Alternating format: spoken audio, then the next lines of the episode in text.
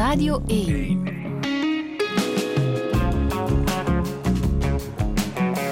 Douche. Met Friede Lesage. Touché met kinderpsychiater Bino Singh. Goedemorgen. Goedemorgen. Hoe gaat het? Goed, goed. Fijn van hier te zijn op deze zonnige zondagochtend. Stel jij die vraag soms ook aan jezelf? Hoe gaat het vandaag met mij? Ja, toch wel, toch wel. Ik Ja. vond dat een interessante gedachte, die ik heb gelezen trouwens in jouw boek Van Hart tot Hart. Dat is iets dat we niet echt doen. Hè? Dat we vragen ons niet af, hoe gaat het eigenlijk vandaag met mij? Heb ik een goede dag? Heb ik een slechte dag? Ja. En het is belangrijk om dat te doen. ja, het is belangrijk en je pakt daarmee eh, gelijk mijn stokpaardje. Dat Ja. gaat eigenlijk over verbinden. Hè. Vind verbinden is iets, is iets voor mij heel belangrijks in het leven. Maar alles begint met verbinden met jezelf. En een vraag die we zo vaak aan een ander stellen als eerste intro van verbinden met een ander. Hoe is het met u? We zouden die ook mogen omdraaien, de cameralens 180 graden draaien en zeggen, hoe is het nu eigenlijk met mij? Ja, en echt proberen te antwoorden. Ja, sorry, ik heb iets hier in mijn keel. Neem gerust een beetje water. Ehm, Ja. Jouw boek, Van Hart tot Hart, ehm, is gebaseerd op jouw ervaringen die je hebt opgedaan bij Kleine K. Dat is het Ja. kinderziekenhuis waar jij de bezielster van bent, al Mhm. zeven jaar lang. Ehm, ik denk, door dit boek en ook door de gedachten die jij verspreidt, ben je uitgeroepen tot mens van het jaar bij KNAK. Moet wel een eh, ja, deugd hebben gedaan, denk ik. Dat ehm, deugd weet ik niet. Het was, het was verrassend. Ik had dat niet verwacht. En tegelijkertijd ook wel ontroerend. Ehm, vooral omdat ik dacht, amai, als, als men daar op die manier ook aandacht voor heeft, dan is er echt wel een openheid bij de samenleving voor de boodschap die ik breng. En dat die boodschap zo op die manier in het licht wordt gezet, dat ontroerde me wel. En daarom was ik daar wel eigenlijk toch blij mee. Dan denk ik, oké, het komt aan, het belang daarvan wordt gezien. En ik ben eigenlijk een boodschapper maar, hè, maar dat, ja, op die manier vond ik het wel heel fijn. Ja, Ja, Want het is geen wetenschappelijk boek geworden. Het is echt een zakboekje dat je hebt geschreven voor Ja. jonge ouders. Dat ze af en toe eens kunnen raadplegen als het Ja. niet gaat. Weet je, ik vind dat er veel te veel opvoedingsboeken zijn. en veel te veel boeken die ons vertellen hoe dat we het allemaal moeten doen en wat goed is en wat niet goed is. Ehm, en anderzijds wou ik ook geen knoest van een boek schrijven waar je doorheen moet worstelen van wat, met allerlei referenties naar onderzoeken en zo. Ik wou echt van hart tot hart spreken. Ik dacht, oké, weet je, wat leeft er bij mij, in mijn hart? Wat beweegt mij op basis van de mens die ik ben, de studies die ik gedaan heb, de ervaring die ik in mijn vakgebied heb opgebouwd? Wat beweegt mij daarin nu? En voilà, ik wil je dat wel aanreiken op een heel eenvoudige manier. Ehm, heel toegankelijk. Ja, heel erg van mens tot mens. En aanreikend. Zo van, voilà, dit is wat ik aanreik. En ik nodig je dan vooral uit om eens te gaan voelen, te gaan nadenken daarover en daarin uw eigen waarheid te ontdekken en daarin uw eigen weg te vinden. Ehm, en voilà, inderdaad, iets dat je gewoon in je chacos of in je broekzak steekt als een soort wegwijzer, wegwijzerke op je eigen unieke weg. Ja. Ja. Wat ik ook las in jouw boek is dat ehm, de reden waarom je zo houdt van jouw vak als kinderpsychiater Mm. is dat het een vak is dat hoop biedt. Ja, ja. Ik ben, eh, ik ben echt een vakidioot en ik ben mijn hart verloren aan mijn vak, inderdaad. Omdat het enerzijds ehm, zich bezighoudt met voor mij de essentie van het leven. Wie zijn we? Wat beweegt ons? Wat hebben wij nodig? Hoe staan we in het leven? Hoe beleven we het leven? Ehm, en ik ook, en iedereen onder ons maakt van alles mee in het leven. En dat doet van alles met ons. En we lopen soms schade op, eh, ook herstel. Eh, we worden uitgedaagd, we krijgen cadeautjes. Ehm, en dat kan ons vormen en soms ons zodanig vormen dat we voelen van, ah, dit is het niet. En mijn vak legt er zich op toe om u dan te gaan dragen en, en te gaan helpen bij, bij het vinden van je eigen weg, bij een stukje heling, bij de weg naar, je, naar jezelf terug te vinden. En dat vind ik wel iets heel hoopvols. En zeker als infantpsychiater, ehm, dat is zo nog een, een, een onontgonnen gebied, een nieuw boemend gebied in mijn vakgebied, waar er steeds meer aandacht naartoe gaat. Daar zit helemaal de hoop met, met, eh, met alle glorie, omdat we daar zien dat als je heel jong de juiste ervaringen kunt opdoen, dat dat ja, uh, uw kansen op een heel mooi leven vergroot. Of Mhm. als er daar iets fout loopt, dat er veel herstel mogelijk is. En dat is ook heel hoopvol, vind ik. Hoe zou jij jezelf omschrijven? Ja, een mooie vraag, een boeiende vraag. Geen gemakkelijke vraag ook, vind ik. Want wat antwoord ik daar nu op, dacht ik bij mezelf. Ehm, want dat wordt gekleurd door hoe dat ik mezelf beleef in verbinding met mezelf. En dat varieert doorheen mijn leven. Dat wordt gekleurd hoe anderen mij beleven in verbinding met mij. En dat varieert ook. Ik ontmoet altijd weer andere mensen, andere mensen die belangrijk zijn in mijn leven. En ook de omgeving. Mijn omgeving bepaalt mee welk stuk van mij naar voren komt. Mhm. Dat is Dus nog geen antwoord op die ja, vraag? Dat is, die dat is, lastige hè, vraag. Dat is die lastige vraag. Maar op dit moment in mijn leven, in het hier en nu, zou ik zeggen... ehm, ja, net als bij veel psychiaters is er ook bij mij een hoek af. Maar ik kan daar wel mee leven. Ehm, en ja, en, en die kwetsbaarheid mag er zijn. Ik omarm mijn imperfectie. En tegelijkertijd beweegt het mij voortdurend in mijn leven om... ehm, ja, om altijd weer te zoeken naar die pure plek in mijn hart en van daaruit in het leven te gaan staan. En alles wat op mij afkomt, van daaruit trachten te benaderen. En soms lukt dat, soms lukt dat niet. Soms is dat gemakkelijk, vaak is dat moeilijk, maar ik vind het wel heel waardevol. Mhm. En die zachte stem helpt jou als kinderpsychiater? Ja, ze zeggen dat altijd. Hè. Je Ja. hebt een fijne stem om naar te horen. Dat is goed, hè? want wij moeten veel praten. Aha. Want we zijn nog altijd geen telepathische wezens dat ik Ja. eh, zo oppik wat je denkt en voelt. We moeten nog altijd het woord gebruiken. Maar een stemtimbre kan veel doen als je kan wel veel doen. moeilijke ja. gesprekken moet aangaan. Dat is waar. Ik, ik vind het fijn dat, dat mijn stem zo ervaren wordt, dat de zachtheid en de mildheid en mijn vertrekpunt, namelijk mijn eigen hart van waaruit ik graag hè, mensen in mijn vak of ook gewoon in mijn eigen leven wil ontmoeten, dat dat gedragen wordt door de timbre en kleur van mijn stem. Dat is fijn. Bino Singh, welkom in Touché. Dank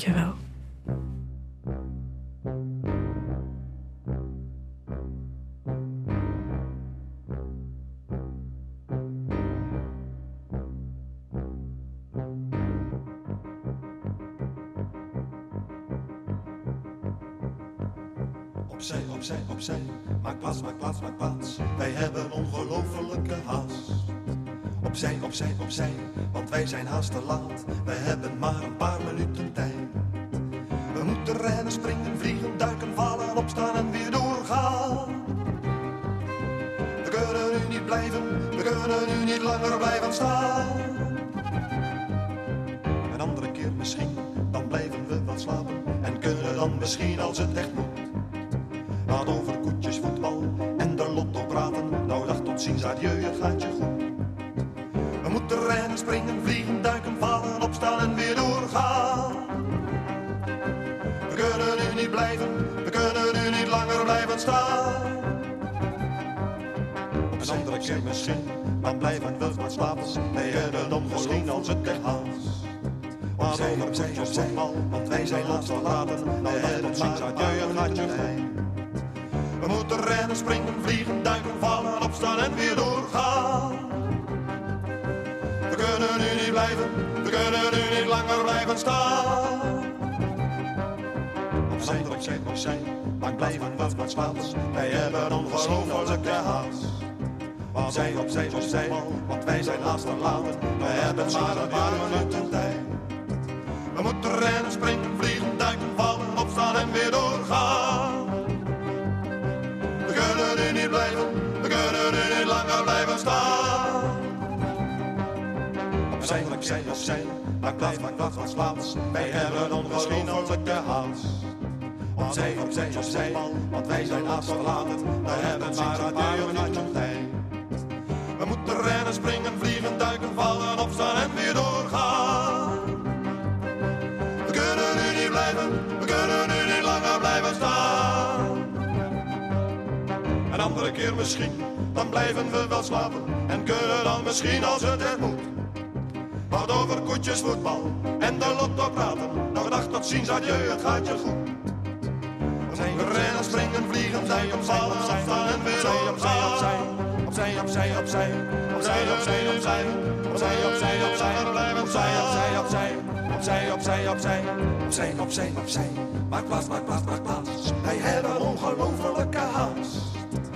Opzij, opzij, opzij, want wij zijn haast. Wij hebben maar een paar minuten tijd. We moeten rennen, springen, vliegen, duiken, vallen, opstaan en weer doorgaan. We kunnen nu niet blijven, we kunnen nu niet langer blijven staan. Een andere keer misschien. Herman van Veen met Opzij, Opzij, Opzij. Het nummer is ondertussen 44 jaar Mm. oud, bedacht ik mij. Maar we hebben er niet zoveel uit geleerd, precies, hè, Binu Singh? Klopt. We leven nog altijd zo gejaagd als mogelijk. Ja, en Waarom misschien... toch? eh, waarom toch? En Ja. misschien meer dan ooit. Hè? Ja, ja, ja. Ja. En het heeft gevolgen, die hoge snelheidsmaatschappij, want zo noem jij ze. Ja, zo, de, de Red Race of Tina, zoals eh, mijn collega Dirk de Wachter, de boot Tina, zoals hij het noemt. Inderdaad, die, die hoge snelheidsmaatschappij, waarbij er eigenlijk bijna geen tijd meer is om mens te mogen zijn, vind ik. Ehm, En dat heeft eh, gevolgen, vooral voor die nieuwe wezentjes die we zelf op de wereld zetten. Want daar is onze maatschappij niet voor gemaakt. Hè? We hebben ons Nee. leven georganiseerd voor de volwassenen, maar niet voor die kleintjes. Nee, nee. En dat is... Ik denk dat, dat ons, ons, de snelheid waarmee dat wij nu leven voor niemand gemaakt is. Ook niet meer voor de volwassenen in het nu, maar zeker niet meer eh, voor jonge kinderen. Hè. Ja. Jonge kinderen die eh, zijn eigenlijk meesters in mindfulness, in het leven, in hier en nu, in ten volle aanwezig zijn in het leven en alles ten volle te beleven. Ze maken ook alles voor de eerste keer mee, zijn ook heel veel aan het leren op korte tijd. Ehm, als je ook op EEG's, hun hersengolven, eh, bekijkt, zijn die een pak trager dan die van ons. Die leunen veel dichter bij een mediterende volwassene die in rust is, die zeer goed aanwezig is, dan, dan, hè, dan hoe dat wij als volwassenen leven. Ehm, en wat ik door, door hen te ont, mogen ontmoeten, elke keer weer opnieuw, wat ik van heb, heb mogen leren, is eh, slowfulness. Dat is een woord dat helemaal niet bestaat. Eh, je gaat dat nergens terugvinden, dat is een Binoe-woordje.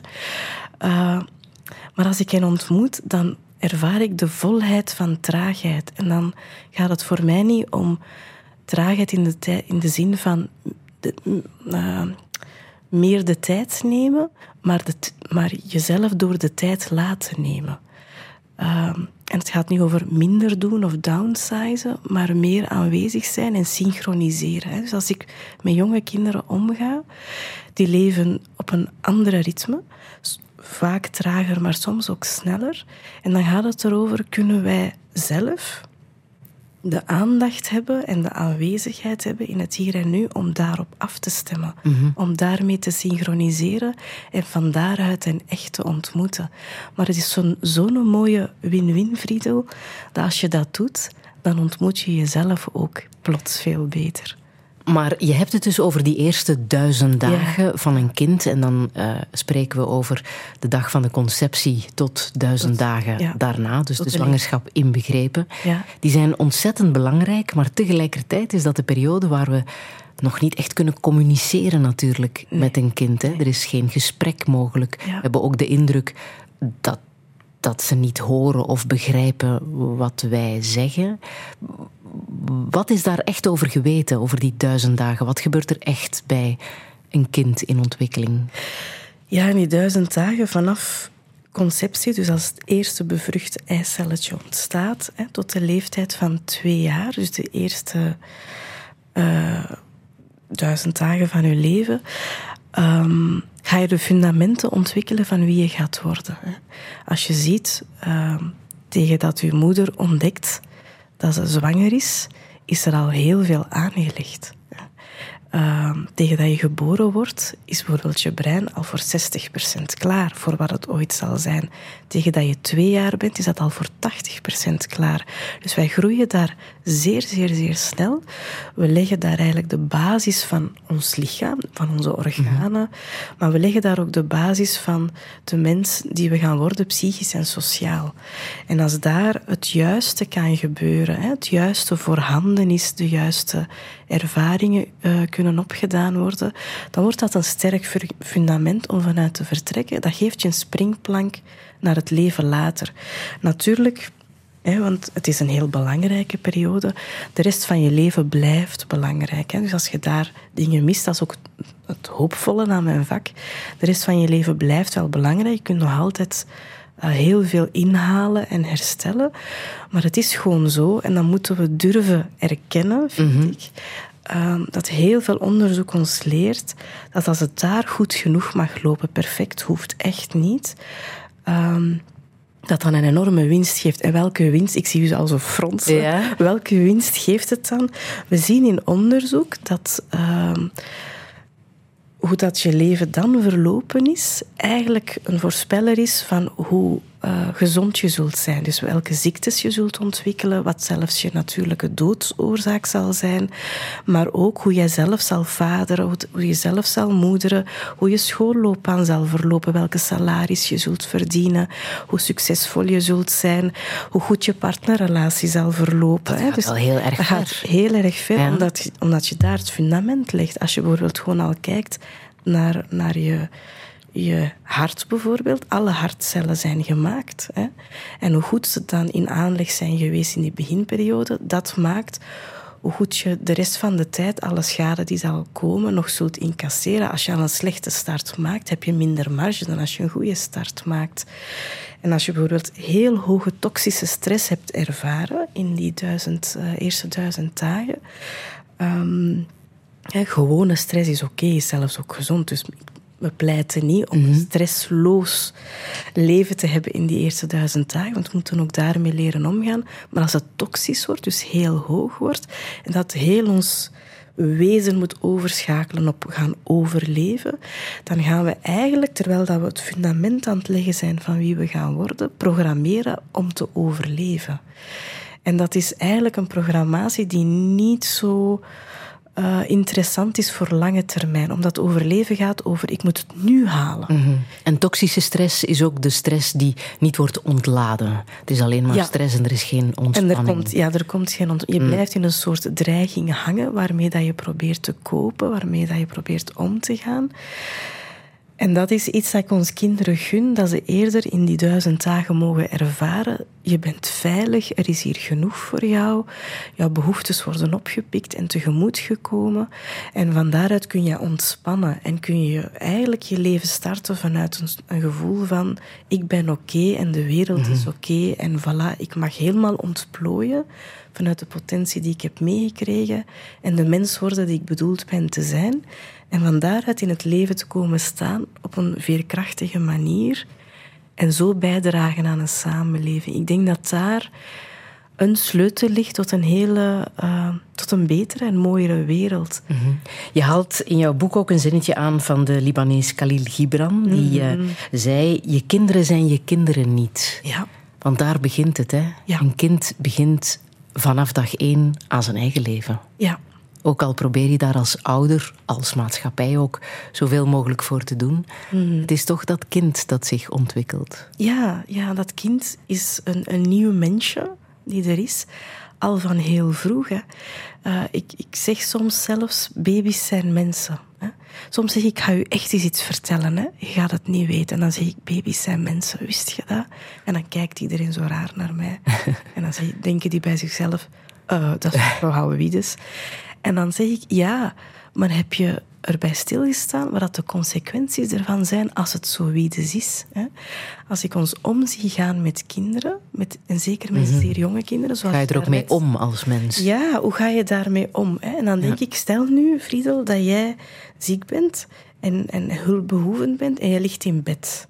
En er komt een verpleegster naar u hè? en die gaat u wassen.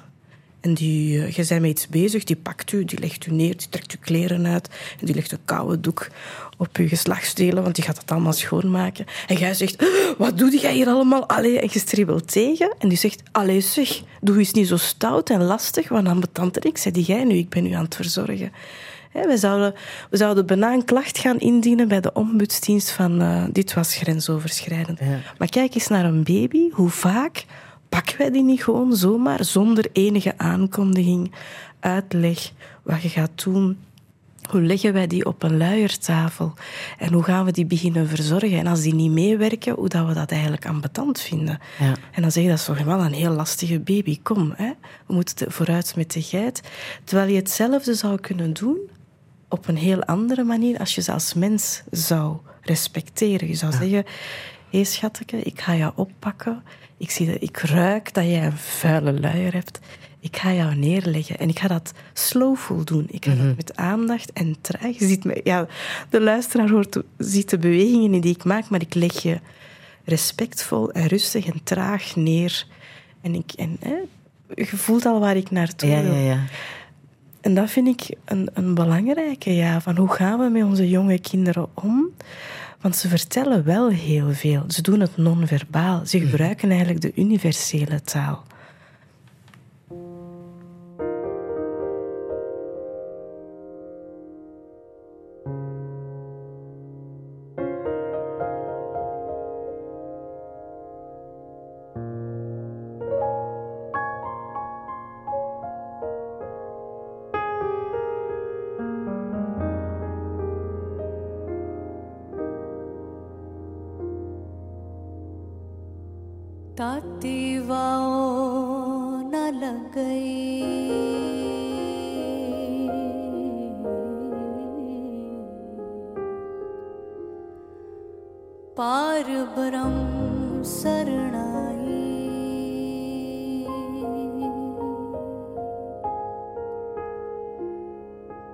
गिर्द हमारे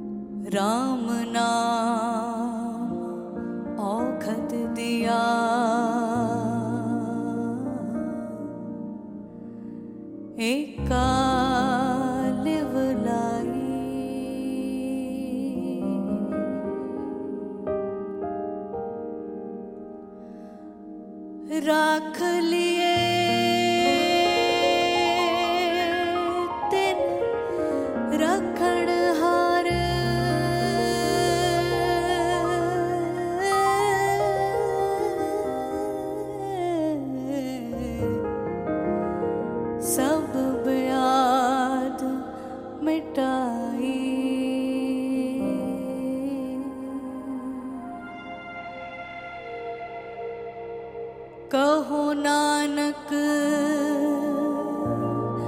कृपा पई प्रभ पै सहाई Binu Singh, ik moet aan jou vragen wat we zo net hebben gehoord. Ja, dit blijft voor mij een, een, uh, een prachtig gebed. Ik word er elke keer weer terug stil van. Is het een gebed? Het is een gebed. Ja. Uh, ik heb dit nummer gekozen uh, als een ode aan mijn eigen moeder. dit is inderdaad een gebed uit het Sikhisme. Dat is de religie die mijn ouders praktiseren. waarbinnen ik ook ben opgegroeid. Um, en dit gebed heb ik, zolang ik terug kan gaan in mijn herinnering als kind, elke dag, of elke avond voor het slapen gaan, samen met haar opgezegd. Het is een gebed uh, die om bescherming vraagt Aha. en die zich richt naar het hogere. Uh, de zanger heet Singh. Ja, zie ik. net als ik, ja, Ja. klopt. Veel Six heet de Ja. Sing. Hè? Dat Ja, is een klopt. naam die eh, daar vaak voorkomt. Mhm. Het is ook de reden waarom jouw ouders destijds zijn gevlucht uit India. Ja, Directe aanleiding was eh, de moord op Indira Gandhi, ja, toenmalig premier van eh, India in 84, 1984 vermoord Ja. door haar eigen lijfwachten die Sikhs waren. ja. En dat zette natuurlijk de Sikh-gemeenschap in een slecht daglicht. Ehm, wat voor leven hadden jouw ouders voor ze zijn verhuisd naar, naar hier? Ja. Wel, mijn vader, ehm, zijn familie komt uit Punjab. Dat is eigenlijk waar dat de meeste Sikhs wonen, dicht bij de Golden Temple, de Gouden Tempel. Dat is een beetje de mekka van het Sikhisme. Ehm, en hij komt uit een familie van eh, landbouwers, hè, dus grootgrondbezitters en in de landbouw. En eh, die is dus daar opgegroeid. En eh, mijn mama die is opgegroeid in de hoofdstad Delhi. Dus eh, Ja, twee verschillende achtergronden. En wat voor een leven hadden ze? Ja, het is de gewoonte dat als je trouwt, dat je gaat wonen bij de familie van je man. En dus mijn mama is dan van grootstad weggetrokken naar eigenlijk een dorp. Ehm, maar lang hebben ze daar niet gezeten, eh, omdat mijn papa, zo begrijp ik het, hè, wat een rusteloze ziel was, die niet bereid was om in de voetsporen van zijn vader te treden en ook in de landbouw te gaan. Hij was eigenlijk nogal baanbrekend in zijn gemeenschap. Die is gaan studeren aan de universiteit. Die is daarna de wereld ingetrokken. Die is weggegaan uit India. Nog altijd ontdek ik nieuwe plekken waar dat hij heeft gezeten. Amerika, Europa, Australië. Dan denk ik, ah. En uiteindelijk is hij eh, hier in België geland. En, maar het was echt niet leefbaar meer in India. Ehm, wel, mijn, mijn mama wou graag in India blijven, hè, maar eh, mijn papa was de wereld ingetrokken. En dan is die politieke crisis gekomen. Wij zaten toen in India, mijn mama samen met mijn broer. Mijn papa was al in het buitenland. Eh, maar het was echt gevaarlijk. Ik herinner mij nog beelden dat ik eh, ja, militaire tanken door de straten zie rijden. Dat het helemaal anders Ik heb daar nog herinneringen van beelden als kind.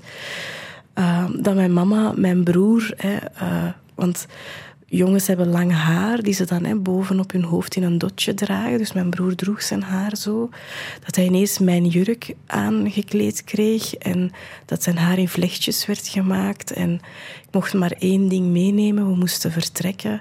We zijn dan naar de kampen gegaan. Um, en omdat een deel van mijn moeders familie al, al in Europa woonde had dan uh, haar broer geregeld dat we konden vluchten, dat we konden vertrekken. Mm. Maar hoe was dat voor jou? Want jij was toen zeven jaar. Ja. Als je zo'n verhuis, zo'n mm. vlucht, mm. een behoorlijk traumatische, dramatische vlucht ja, dat maakt... meemaakt op je zeven jaar, dat ja. moet toch ook een enorme impact Absoluut. hebben op jou Absoluut. als kind? Dat maakt indruk, want de wereld zoals je die altijd gekend hebt, verandert totaal. Ja. Totaal. Ik weet dat ik, als hier, uh, we kwamen toen op Schiphol aan en alles rook hier anders. Het zag hier aan. Het eerste wat we gedaan hebben is kotsen in een kotzak. Van alle indrukken en Ja. alle geuren en, Ja. en, en, en alles wat dat er is, er komt veel op je af. En tegelijkertijd um, herinner ik mij ook de omringing die er was van mijn mama. eh, En, en Was er begrip voor jou als kind Ja, dat dat toch wel en- een ongelooflijke verandering in jouw Ja, leven toch wel. moest zijn? Ja. Wel, ik herinner me zelfs de eerste contacten in België. Dan moet je ik weet niet waar dat, dat juist was, maar ik, ik denk dat dat eh, politieke asielaanvraag of zo was, of zoiets. In elk geval, we waren ergens in een officieel gebouw in België. Maar hoe lief dat die vrouw was. Ik herinner mij dan nog dat hij zo mij en mijn broer aansprak, dat we iets te drinken kregen. Allee, er was aandacht dat we zo als kleine grutjes... Ik was zeven, mijn broer was, was drie. En dat we daarbij liepen... eh, Ja, dat maakte wel indruk. En in, in dermate dat ik vandaag de dag kies om niet met vluchtelingen te werken als kinderpsychiater. Want ik denk, ja, ik ben dan te betrokken. Het is goed dat ik betrokken ben in mijn vak. Het mag mij raken. Anders moet ik het ook niet meer doen. Maar als het te veel raakt, uh, dan verlies ik toch ook een stukje neutraliteit. Uh, en ik kies daar expliciet voor om dat niet te doen, bijvoorbeeld. Ja. we zouden kunnen denken, kinderen mm, passen zich makkelijker aan aan een nieuw land, aan een nieuwe cultuur. Voor jouw ouders moet dat iets helemaal anders zijn geweest. hè? Ja, zeker. Een zeker. abrupte verandering. Ja. ja, want ik herinner me dat ik me inderdaad gemakkelijk heb aangepast. Hè. Ik heb de taal heel snel opgepikt. Ik ben ook altijd het kind geweest, eh, er wordt daar nog mee gelachen thuis, die altijd als eerste wilt ontdekken. Hè. Bijvoorbeeld, we hadden picklechips. En, en, en dat werd opengedaan. Mijn broer en mijn moeder deinsden terug. Oh, dat ruikt raar. En ik was de eerste die ging proeven. hè. Maar voor mijn mama bijvoorbeeld, ik herinner me dat wij... We hadden een appartement in Wilrijk in Antwerpen. En als ze soms zo de gordijnen opendeed en die zei, er is hier niemand op straat. Jullie gaan naar school en ik ben daar en ik zie niemand. Er is hier niemand. Terwijl het leven in, in, in India, dat is een cacophonie aan geluiden en alles. Er, er is daar altijd leven. En, En een iedereen leeft ook voor het ja. huis. hè. En, en er is ook altijd een binnenplaats voordat eigenlijk het huis zelf begint. Dus er is heel veel interactie met je buren, met voorbijgangers. Er is altijd van alles aan het gebeuren. En die stilte, ze zei van... In al die huizen zitten mensen, maar je zou denken dat het hier uitgestorven is. Dat is wel een grote aanpassing geweest, ja. Je zegt, ehm, mijn ouders zijn nog altijd ziek. Ja. Ehm, is dat ook een manier om die kokon te beschermen? Het vertrouwelijke van het leven in India naar hier te kunnen meebrengen? Dat is iets wat je kan bijhouden. Hè? Die cultuur, die normen, Ja. die waarden, die traditie. Ja, en ik denk dat ze dat een stuk nodig hebben. En tegelijkertijd vind ik het bewonderingswaardig aan mijn ouders dat ze zich ook enorm hebben opengesteld voor de samenleving hier. Die hebben bijvoorbeeld ervoor gekozen, anders dan vele anderen in mijn omgeving, hè, of in hun omgeving toen, of in, bij de familie, om mij niet naar een internationale school te sturen, maar naar een gewone katholieke meisjesschool. In der tijd waren dat meisjesscholen. Hè, te sturen en om wel aan te moedigen om de taal te leren, om deel te nemen aan de samenleving hier. Die hebben ook echt moeite gedaan om de taal hier ook te leren. En tegelijkertijd inderdaad ook een stukje bescherming. En afsluiten, willen behouden van, van waar ze komen. En ik heb ze daarin zien zoeken en struggelen.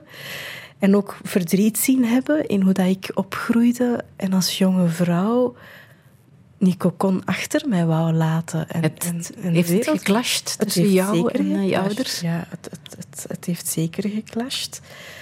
Ehm, en het heeft ook... We hebben ook elkaar weer iedere keer teruggevonden. Ja. Het heeft geclashed in de zin dat ik zoiets had van... Ja, maar wacht. Met sommige dingen ben ik niet akkoord. Ik kijk daar anders naar. Ik wil een andere weg gaan. Zij waren dan bang, want dat is nieuw. En hoe zal dat dan lopen? Want welke toekomst bijvoorbeeld Ja. hadden zij in gedachten voor hun dochter? Ja, ik denk eh, dat, ik, dat ik arts wou worden, was al heel jong duidelijk. Daar hebben ze mij ook enorm in gesteund en toe gestimuleerd. Maar ik denk dat ze hadden gehoopt dat ik met een eh, Indische man, die ze voor mij zouden mogen kiezen, zou trouwen, een stabiel gezin zou stichten. eh, Want dat is de traditie. Ja, en denk- worden. En ik begrijp nu als volwassen vrouw vanuit een stuk mij willen beschermen. Want zij zagen hoeveel huwelijken hier kapot gaan. eh, hoe moeilijk het leven van een vrouw alleen is. En misschien wilden ze vanuit wat ze kenden mij heel erg beschermen door op die manier mijn volwassen leven in te luiden. En ik heb me daartegen verzet. Ik heb gezegd, nee, ik doe dat niet. Ehm, ik wil mijn partner zelf kiezen. Eh, ik ga mijn eigen weg. Ik ben dan ook nog eens gescheiden. Ga nog eens mijn eigen weg. Ehm, en dan vragen ze soms, ben je nu gelukkiger? Dan moest je dat gekozen hebben. En dan zeg ik, ja, ik weet het niet. Zijn jullie gelukkiger? Want jullie hebben die weg afgelegd. Is mijn broer gelukkiger? Die heeft die weg wel gekozen. Ehm, ik denk dat het daar niet over gaat. Ik denk dat het erover gaat dat we als mens altijd weer zoeken naar wat is mijn weg en ons eigen geluk moeten vinden en onze eigen weg daarin. En tegelijkertijd, dat is dan toch de wijsheid die daar met de jaren komt, vind ik dat ze op som- op sommige vlakken echt wel gelijk hadden. En dat het ook wel goed is om de ervaring van uw ouderen mee te pakken. Ja, ja. Ja. Come, stop your crying. It'll be all right. Just take my hand, hold it tight. I will protect you from all around you. I will be here, don't you cry. For one so small, you seem so strong. My arms will hold you, keep you safe and warm. This bond between us can't be broken. I will be here, don't you cry. Cause you'll be in my heart. Yes, you'll be in my heart. From this day on, now and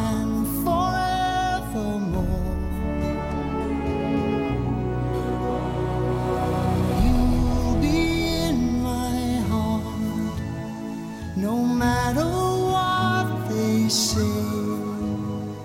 You'll be here in my heart always.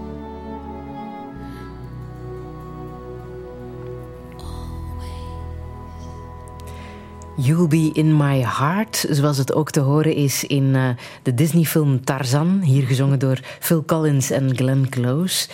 Eh, Een film uit 1999. Het is voor jou een heel belangrijk liedje, Bino Singh. Kan je uitleggen waarom precies? Ja, en exact dit stukje zo. hè. Ja, is, ja. eh, zoals het hier gezongen wordt, zo heb ik het eh, tot treurens toe en met veel liefde voor mijn eigen kinderen gezongen. Hè, Dus als eh, zij het moeilijk hadden als babytje eh, of huilden of zo, heb ik dat heel veel voor hen gezongen om te troosten. Of You'll Be In My You'll Heart. be in my heart Always. always. Ja. ja. Mm. En waarover gaat het dan? Waarover gaat het dan? Ja, eigenlijk het- hetgeen dat ik mijn kinderen toewens, maar elk kind op de wereld toewens. En ook het kind in mezelf. Het innerlijke kind, zoals jij dat kind, noemt. Wat is dat precies, dat innerlijke Dat kind? innerlijke kind is voor mij... ehm staat als symbool voor de dingen die wij heel vroeg in onze leven ervaren hebben. Hè, eh, en, en goede dingen die we gekregen hebben, die we fijn vonden, en ook dingen die we gemist hebben. Eh, en dat blijf je met je meedragen. En, en als je je daar niet bewust van bent, blijft dat je gedrag en je gevoel en ook je gedachten vandaag de dag mee bepalen. Hè? Dan zeg ik altijd, je geschiedenis is dan nog niet echt je verleden geworden. Bijvoorbeeld als je vroeg in je leven hebt ervaren van eh, ik ben pas oké als ik voldoe aan de verwachtingen die aan mij gesteld worden, dan ben je misschien vandaag de dag een mens die heel perfectionistisch is en altijd maar bezig is met anderen tegemoet te komen en daarbij zichzelf een stuk vergeet. Maar als je dan je innerlijk kind kunt gaan ontmoeten, dan leg ik al bijna spontaan mijn hand op mijn eigen hart en dan naar je kind kunt gaan, maar gauw, jij bent eigenlijk helemaal oké zoals je bent. Ehm, en misschien heb je je heel eenzaam gevoeld en bang gevoeld eh, om verbinding met die anderen te verliezen waar je zo afhankelijk van was als je niet deed wat die van je verwachtte. En heb je daarin een stukje van jezelf opgegeven. Nu als volwassen vrouw ben ik bij jou en nu hoeft dat niet meer. Je mag nu wel jezelf zijn en het is oké. En dat helpt mij dan groeien in mijn volwassenheid om bij mijn authentieke zelf te komen en zeggen: Oké, ik voel verwachtingen om me heen.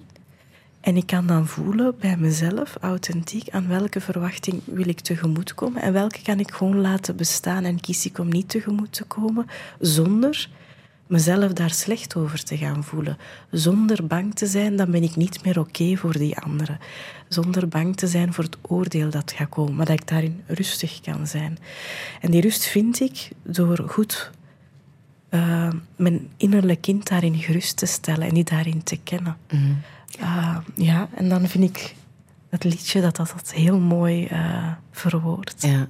Je bent ondertussen al zeven jaar lang um, bezig met dat kinderziekenhuis Kleine K, waar je zelf de bezieler en de oprichter van uh, bent, uh, verbonden aan uh, UZ Leuven.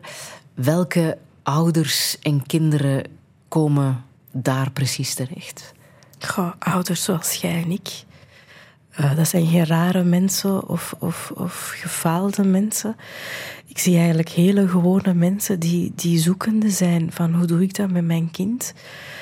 En wat mij elke keer weer treft, uh, en dat maakt onder andere waarom ik hier vandaag ook zit, is dat ik ze vooral zie zoeken omdat er een collectief falen is, vind ik, in onze samenleving om een wereld te creëren waarin kinderen kunnen krijgen wat ze nodig hebben en waarin ouders kunnen zijn. En waarin ouders de ouders kunnen zijn die ze willen zijn. Dat is echt niet meer gemakkelijk. Maar je zegt, mensen zoals u en ik, je bent infant psychiater. Dus gespecialiseerd in psychiatrie Mhm. van kinderen tot drie jaar ongeveer. Wat kan er allemaal psychiatrisch mis, psychisch mis zijn bij kinderen? Hoe problematisch kan het zijn? Ja, ik denk, zoals de wereld nu draait, zien we een enorme stijging aan baby's die al in de problemen komen. Die zich niet goed voelen in hun vel. Dan hebben we het al over depressies. Ja, die hoge stresslevels ervaren en dat uiten door overmatig en ontroostbaar te huilen of heel moeilijk te eten of moeilijk te slapen.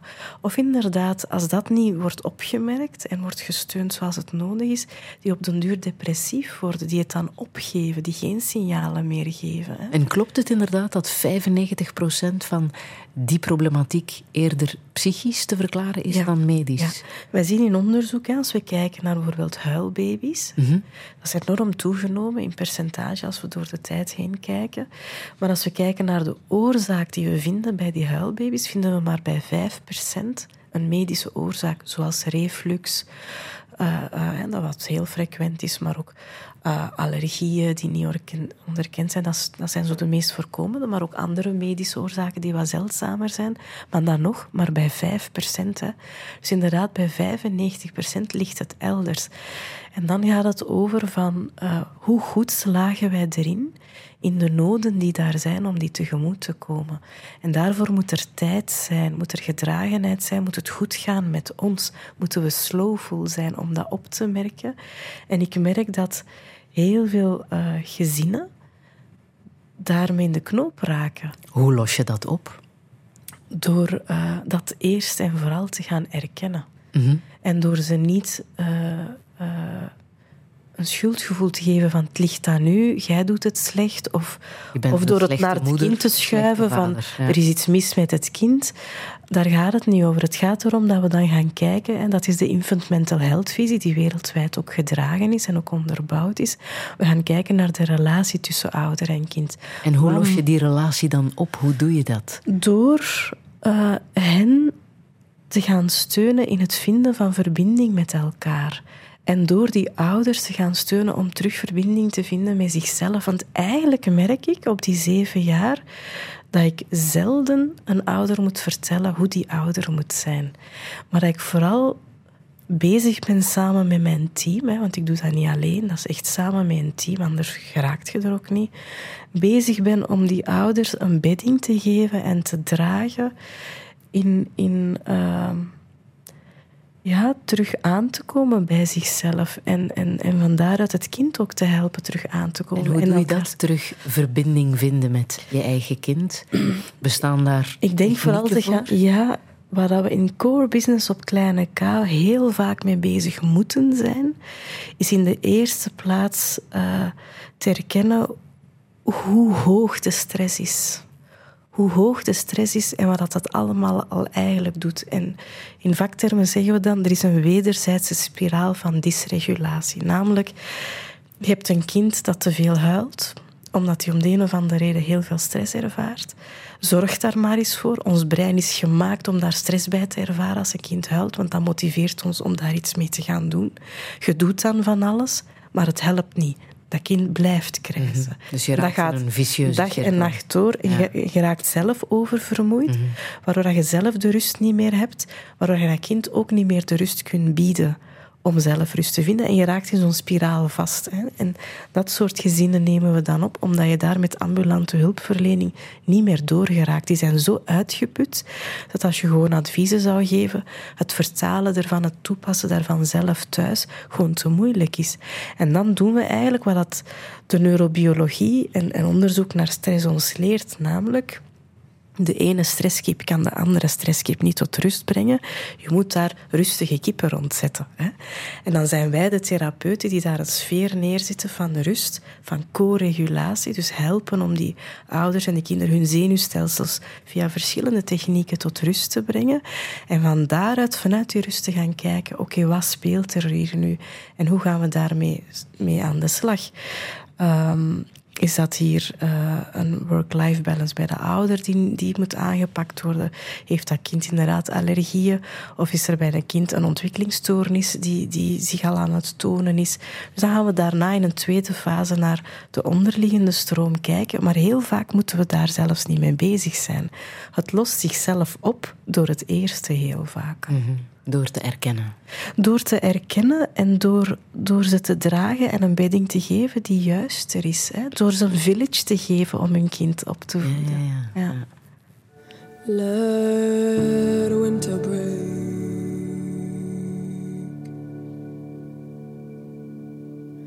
Let it burn till I see you again. I will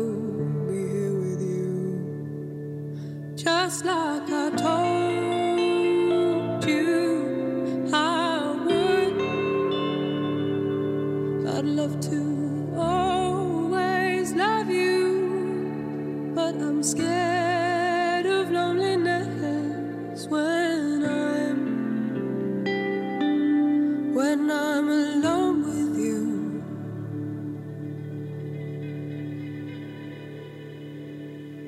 I know it's hard.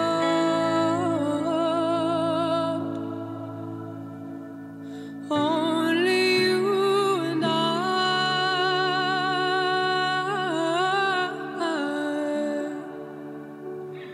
Is it all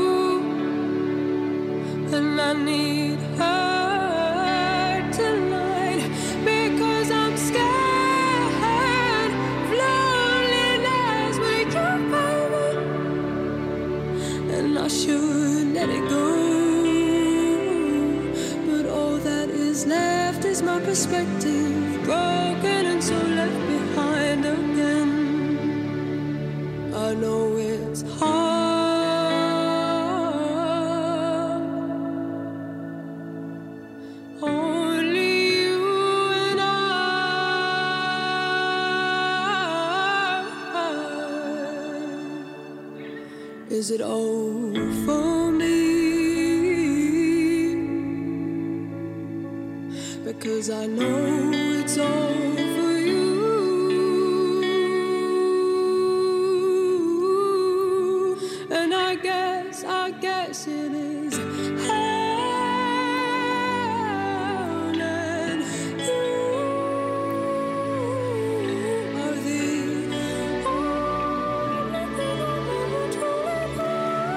Prachtig nummer is dit van London Grammar, een band uit Nottingham.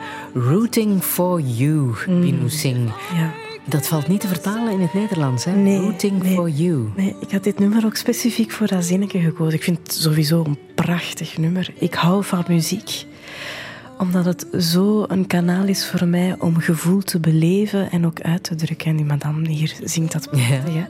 Maar dat zinnetje vind ik heel mooi. I'll be rooting for you. En hoe zou je het kunnen vertalen? Ja, eigenlijk is dat wat ik daarnet aan het vertellen was. Wat doen wij op kleine K voor ouders? Of wens ik een kind toe dat we voor hem of haar doen? Of wat wens ik ons allemaal toe dat we voor elkaar doen? Is, is I'll be rooting for you. Als het moeilijk is, als het zoeken is, want dat hoort bij het leven. Nee, niet alleen daarin staan. I'll be rooting for you. Van, jij mag een stuk wortelen via mij en een stuk bedding vinden in de relatie, in die verbinding, om te dragen wat er moet gedragen worden zonder contact met jezelf te verliezen. Zodat je het kunt omarmen in al zijn kleuren. hè. The good, the bad en the ugly of life. Jij eh, legt die eh, verbinding uit door een vergelijking te maken met een wifi-signaal. En dat maakt wel veel duidelijk. Ja, dat klopt. Wij gaan ervan uit dat het wifi-signaal altijd werkt. Ja, Maar als het niet werkt, dan, eh, Dan wordt er echt een een groot probleem. probleem. hè. Ja. Dan ziet je iedereen kijken, oei oei oei, heb jij hier geen wifi of wat? Ja. Ja, ik dacht, hoe kan ik dat nu het meest toegankelijk uitleggen, wat voor mij verbinding is? Hè? En dat is inderdaad zoals een wifi-signaal. Je hebt een provider, dat is degene die zegt, I'll be rooting for you. Hè? Ehm, en je logt niet zomaar bij iedereen in. Hè? Je hebt een code nodig. Dat is ook de, de hechtingsbasis. De ene vertrouwt je wat mee, daar heb je al meer ervaring mee. Dat is een veilige wifi, daar durft je je bankzaken op te doen. Ehm, dus er is een provider, er is een inlogcode en het is iets dat je niet kunt waarnemen met je zintuig. Je kunt het niet ruiken, horen, proeven, zien. Maar je voelt meteen of het er is of niet, door of je apps draaien of niet. En dat is met verbinding ook zo. Je voelt of het er is of niet. En als het er is, dan, dan voel je dat daar een bedding is van, van contact met de anderen. vertrouwen, Een ja. vertrouwen waarin dat je kunt ontspannen, kunt zijn wie je bent, kunt beleven wat je beleeft, kunt denken wat dat je denkt, van daaruit een bepaalde intimiteit kunt ervaren, maar ook steun kunt voelen. Mhm. Ehm, ja, Ik stel hier heel vaak de vraag: ehm, hoe kom je tot rust? Mhm. Veel mensen doen tegenwoordig aan yoga, meditatie. Ja. Jij moet daar een beetje mee lachen. Hè? Ja. Doe jij aan yoga en meditatie? Ja, maar eh, ik moest daar een beetje mee lachen om, om mezelf hoor. Omdat dat voor mij zoiets is als tandenpoetsen. Dat is iets niet dat ik actief een les voor ga volgen of een cursus in ga doen. Eh, Want of vanuit jouw nu- opvoeding is dat iets wat dat hoort gewoon bij het leven. hoort. Ja, dat is een stukje zelfzorg en zelfhygiëne. Net als je je tanden poetst, zodat je tanden mooi gezond blijven. En als je dan hier zo zit te praten en je hebt niet te veel tandpijn, is dat aangenaam. hè? Ehm, en yoga en mediteren al, en gezonde voeding, ehm, spiritualiteit, ehm, zingeving in het leven, vanuit je hart bewegen. Ik heb van thuis uit meegekregen, en het resoneert ook met de ziel die ik ben, denk ik. Dat dient allemaal eigenlijk ertoe dat je je leven leeft vanuit je dharma. Dat je leven leeft in verbondenheid. En dharma is een Sanskriet woord vanuit mijn roots in India.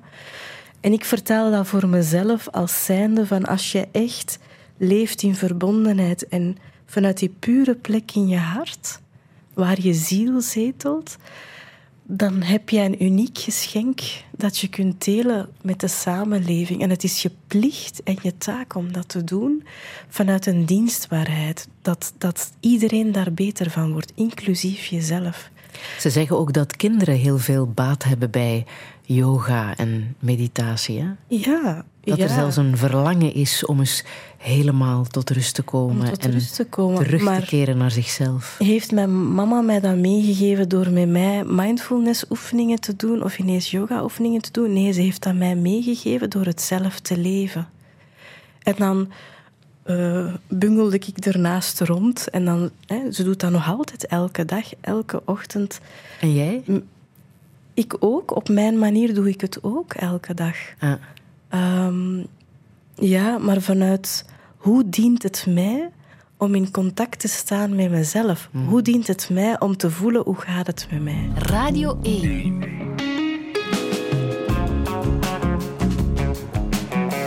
Douche. Friede Lesage. En met kinderpsychiater Binu Singh. Haar missie is ons bewust te maken van het belang van de eerste duizend dagen van een mensenleven. Deze hoge snelheidsmaatschappij is gemaakt voor volwassenen en houdt geen rekening met het opgroeiend kind. We vechten voor onze individuele vrijheid, maar spelen daarbij vaak onze verbinding kwijt. En hoe moet het verder? Wat weet ze over haar eigen geboorte in India? Wat heeft ze met Charlie Chaplin? En wat met de kinderopvang? Dit is Touché met Binu Singh. Een zeer goede middag.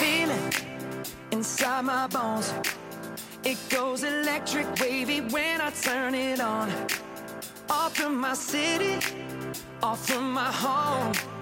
We're flying up no ceiling when we in our zone. I got that sunshine in my pocket, got that good soul in my feet. I feel that hot blood in my body when it drops. Ooh, I can't take my eyes off of it, moving so phenomenally. You're more like the way we rock it, so don't stop. And under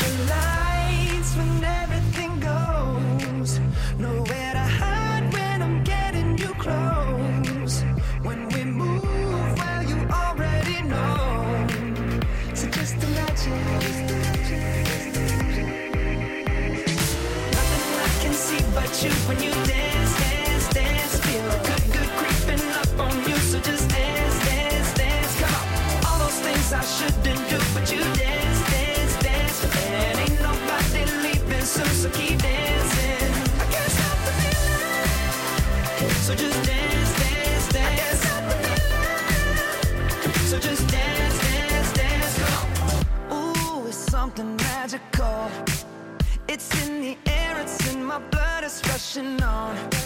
I don't need no reason, don't need control. I fly so high, no ceiling when I'm in my zone.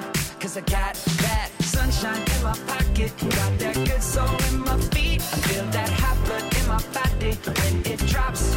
Ooh, I can't take my eyes off of it, moving so phenomenally. You're more like the way we rock it, so don't stop, stop,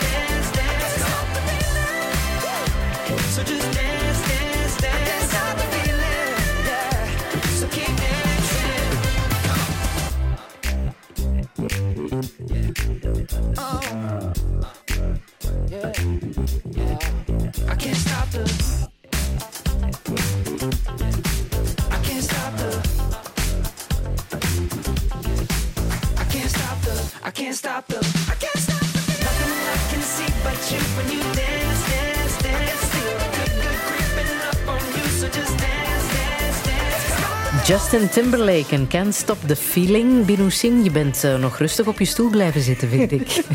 Hoe gaat het er thuis aan toe als deze muziek speelt? Wel, dan eh, dans ik graag rond eh, met of zonder iemand door mijn keuken en living. Dat is Omdat- nodig, hè? Dat is nodig. En dansen is voor mij een van de manieren om ook gewoon plezier te maken en fun te beleven.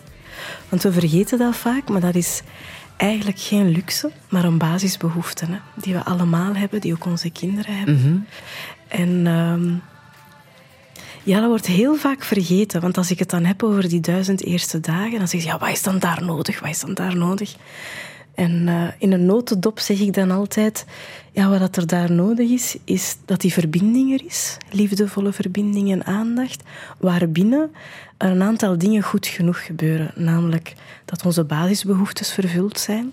Dat is zoals een veilig eh, dak boven ons hoofd, eh, medische zorgen, eten, genoeg slapen en zo. Dus de basisdingen. Daarnaast veiligheid, maar vooral ook in de vorm van stressregulatie, dus we geen toxische stress ervaren. Stimulatie. Dus wij groeien en ontwikkelen, vooral doordat we in interactie met onze omgeving gestimuleerd worden om dat te doen. Maar stimulatie, de juiste, niet te veel, niet te weinig en op het juiste moment. En ook plezierbeleving. En, en dan gaat iedereen zeggen, ah ja, ja, want onze maatschappij is gericht op fun, iedereen heeft FOMO. Maar ik heb het dan niet over eh, stress ontladen.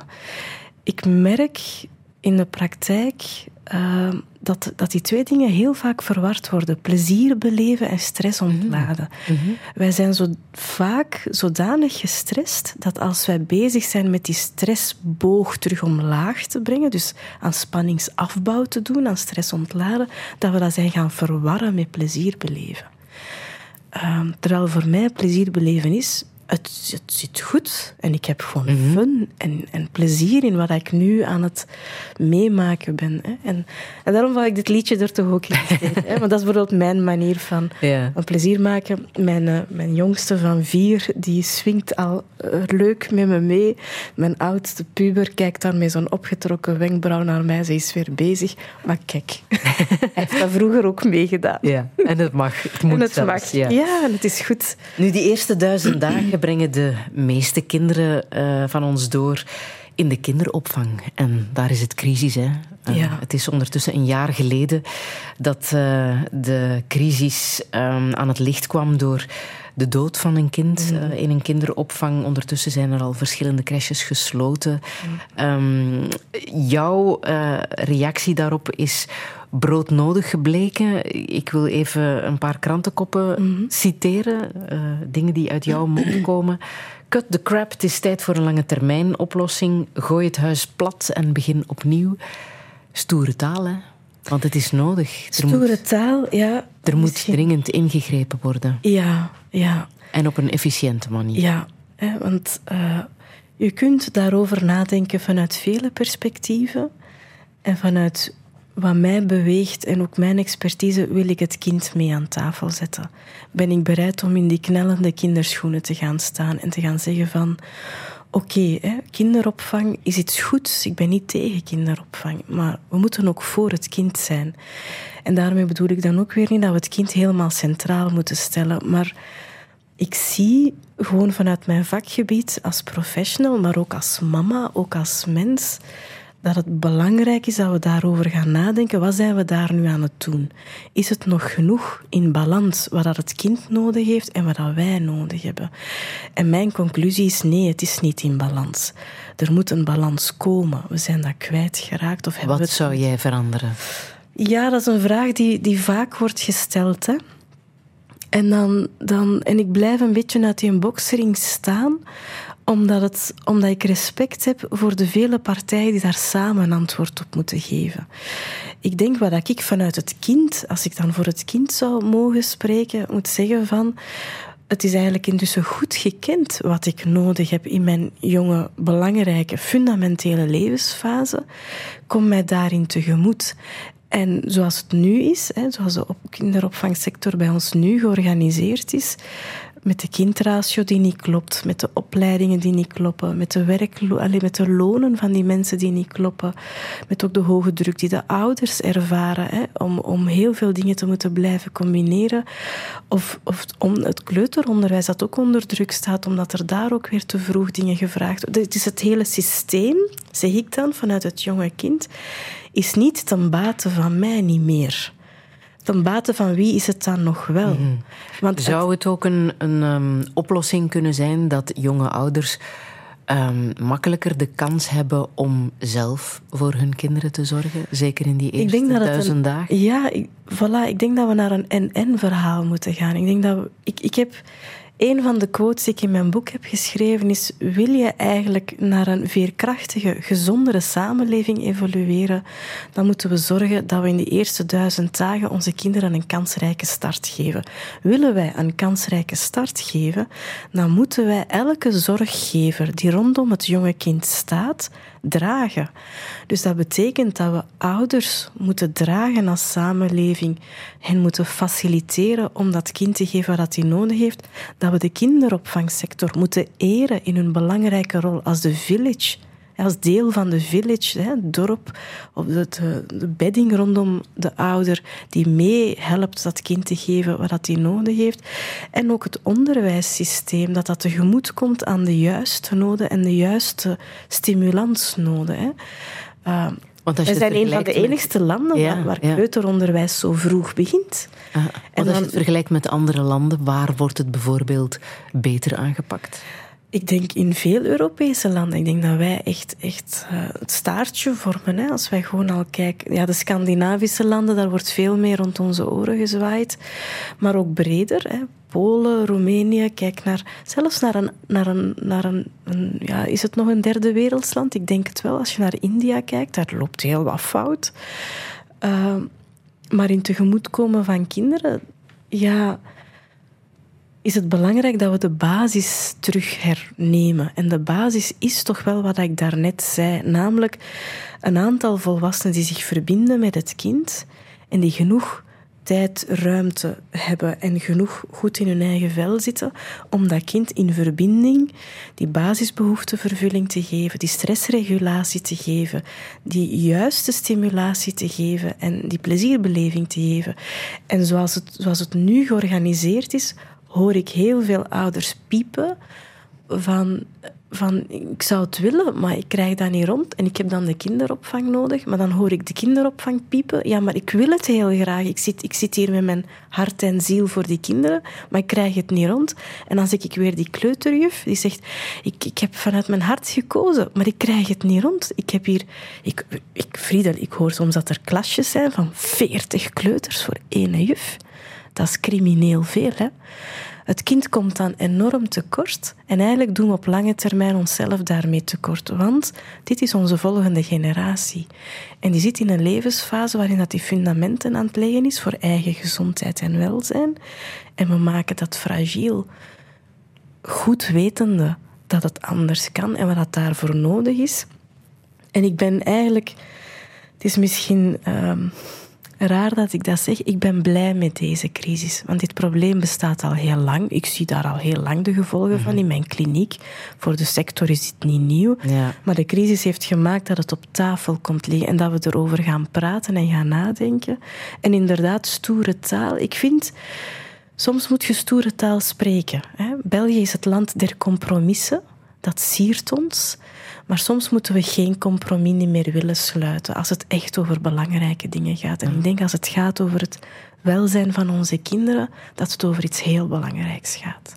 En dan zou er veel moeten aangepast Ja, worden. en, en daarmee dat ik zeg, je kunt niet blijven verbouwen. En eh, soms moet het inderdaad plat gooien. Misschien moeten we gewoon het plat gooien en zeggen, geschiedkundig zijn we naar een aantal dingen toe geëvalueerd. Misschien moeten we even, even zeggen, zoals Herman van Veen zo mooi zong, sta eens even stil. Niet opzij, opzij en vooruit met de geit, maar sta eens even stil.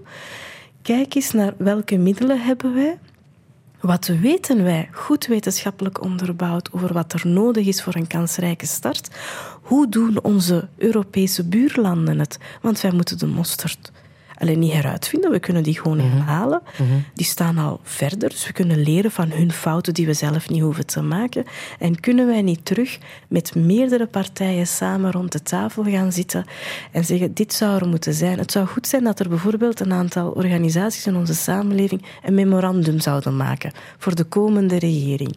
En dat die regering een beleidsnota maakt van, ik zet mij in voor een kansrijke start. En dat er van daaruit meerdere sectoren, hulpverleningssector, onderwijssector, kinderopvangsector, maar ook eh, werkgevers. ook werkgevers, jonge ouders jonge ouders, voilà, ons onder, allee, dat er van daaruit wordt nagedacht. Hoe gaan we ervoor zorgen dat onze samenleving gezonder wordt? Want wij mogen pronken wereldwijd met onze zorgsystemen. Wij zijn een zeer sociale maatschappij, België. Wij, zorgen, wij willen goed voor elkaar zorgen, maar willen we dat systeem volhouden, financieel, gaan we toch onze kraan moeten dichtdraaien, zodat we niet blijven dweilen. We moeten preventief. We moeten meer preventief gaan kijken. En ik, ik vind hier niks uit. En ik ben niet de enige die zegt. Ik ben Ja. degene die vandaag nu bij u zit. Maar vanuit heel veel wetenschap en klinici zeggen we. Weten we dat als we vroeg ingrijpen, dat dat kostenbaten zeer effectief is. Dat is al bewezen. Hè? Terwijl als je kijkt naar de budgetten van onze gezondheidszorg, gaat er maar een klein percentage, minder dan 10% naar kinderen. Geestelijke gezondheid van kinderen. En bijna niks daarvan gaat naar kinderen tussen 0 en 3. Terwijl de wetenschap zegt dat de grootste winst te halen is bij interventies op de jonge leeftijd. En ik zie dat elke dag in mijn eigen kliniek. We hadden het er straks over dat baby's die signalen geven van het gaat niet goed met mij door veel te huilen, als die niet de juiste hulp krijgen. Ik zie dan baby's die depressief worden. Maar als die baby's dan bij mij in mijn kliniek komen, die krijgen dan één dagje behandeling per week. En die genezen op twee maanden tijd van die depressie. Geen enkel volwassene doet ze daarna zonder medicatie of intensieve hulpverlening. Dus dat is heel kostenbaten-effectief. En die komen niet alleen uit die depressie, die, ontwikkelen, die nemen hun ontwikkelingspad terug op en hebben terug kansen om op te groeien tot de volwassenen die ze bedoeld waren. Dus op lange termijn geeft dat ook heel veel winst. Dus, je ziet mij hier op mijn paard springen. Jouw punt is duidelijk. Ja, er, punt is er, er ligt daar goud te rapen voor ons. En ik zou zeggen, laat het niet liggen.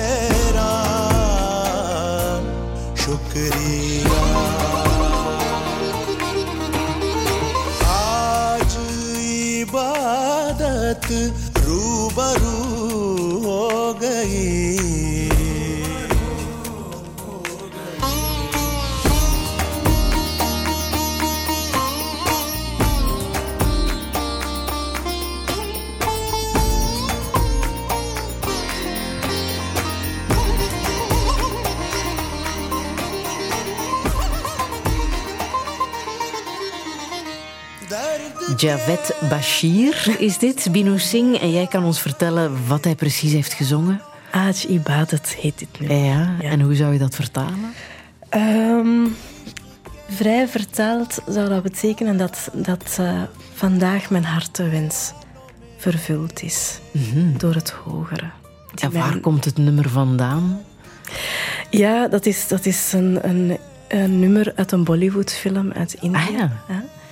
Maar, maar ik hou ontzettend van deze genre. Je zat het ook mee te neurien. Hè? Ja, je, zou, ja. je zou het zelf kunnen zingen. Ja, ik, ik raak het niet beu gehoord. Ehm, ja, weet je, als het, we hadden het daarnet over de crisis in de kinderopvang of, of het belang van die duizend eerste dagen. Van, ehm, het helpt me enorm als er zo moeilijke vraagstukken komen in het leven, op maatschappelijk niveau of in mijn eigen persoonlijk leven. Ehm, wat ik heb mogen meekrijgen in mijn eigen opvoeding en opgroeien. En, en daar staat dit nummer voor mij een beetje voor. En waar denk je dan aan, concreet? Ja, in dit nummer komt, ehm, wordt eigenlijk het gebed zowel vanuit het Hindoeïsme als vanuit het islam samengebracht in een hele mooie verbinding. En, en dat is dan zo rijk samen.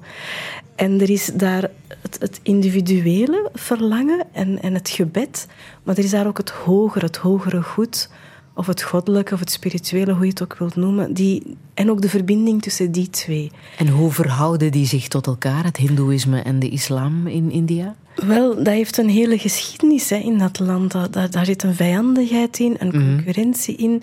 En dat is, dan is het net zo mooi in dit lied dat het zo liefdevol wordt samengebracht, door elkaar heen wordt gezongen. En, daar, en dat is iets dat ik heel erg meepak en dankbaar om ben dat ik zo heb mogen opgroeien. Dat ehm, er is eigenlijk geen strijd. Alles is te verbinden met elkaar. Zelfs de meest extreme polen, waarvan je denkt, dat kun je echt niet samenbrengen. Ik heb toch in mijn leven ervaren en gevoeld in de uitdaging, als je dat moet samenbrengen, dat dat heel rijk is. De alchemie van twee, twee polen bij elkaar brengen, brengt prachtige dingen voort. En het Sikhisme, hoe, hoe moeten we dat eh, situeren Ja, tegenover... Sikhisme is eigenlijk een vrij jonge wereldreligie. Ja. Het is een van de vijf wereldreligies. Die is vrij jong ontstaan. En is eigenlijk heel humaan, Mhm. heb ik ontdekt als volwassen vrouw. Hè.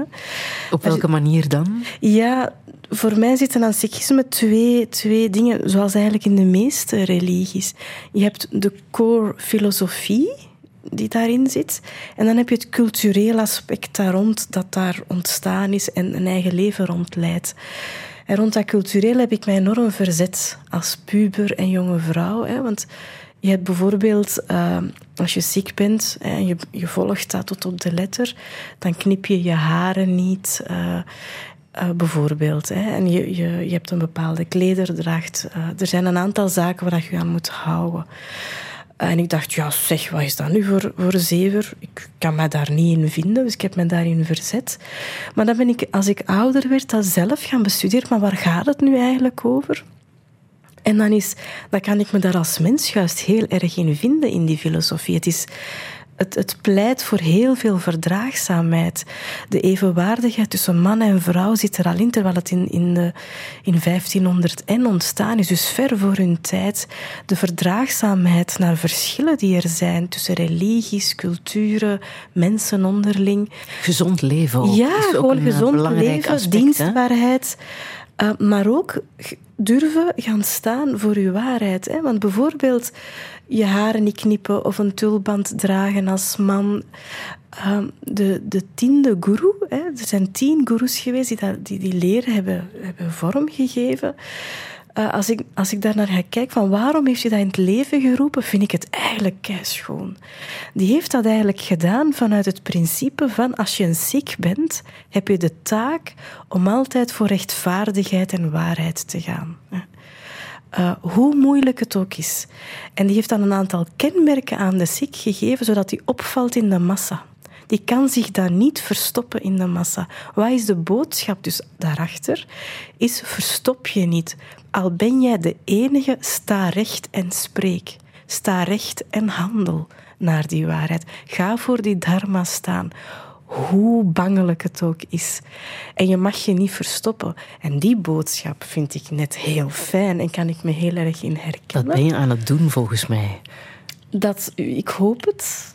Ja, ik, ik denk als ik dan dan hè, als, het dan op de kinderop, als het dan over de kinderopvang gaat, zeg ik van oké, inderdaad, cut the crap en durf het nu eens gewoon te zeggen dat het niet oké is. Want wat je ook doet, is Ja. die Oosterse wijsheid koppelen aan je westerse wetenschappelijke opleiding. Ja. Wat voor ons nog altijd niet zo evident is. Hè? Hoe wordt daar in de academische wereld op gereageerd dat jij die Oosterse wijsheid gebruikt als fundament voor jouw wetenschappelijke professionele bezigheden?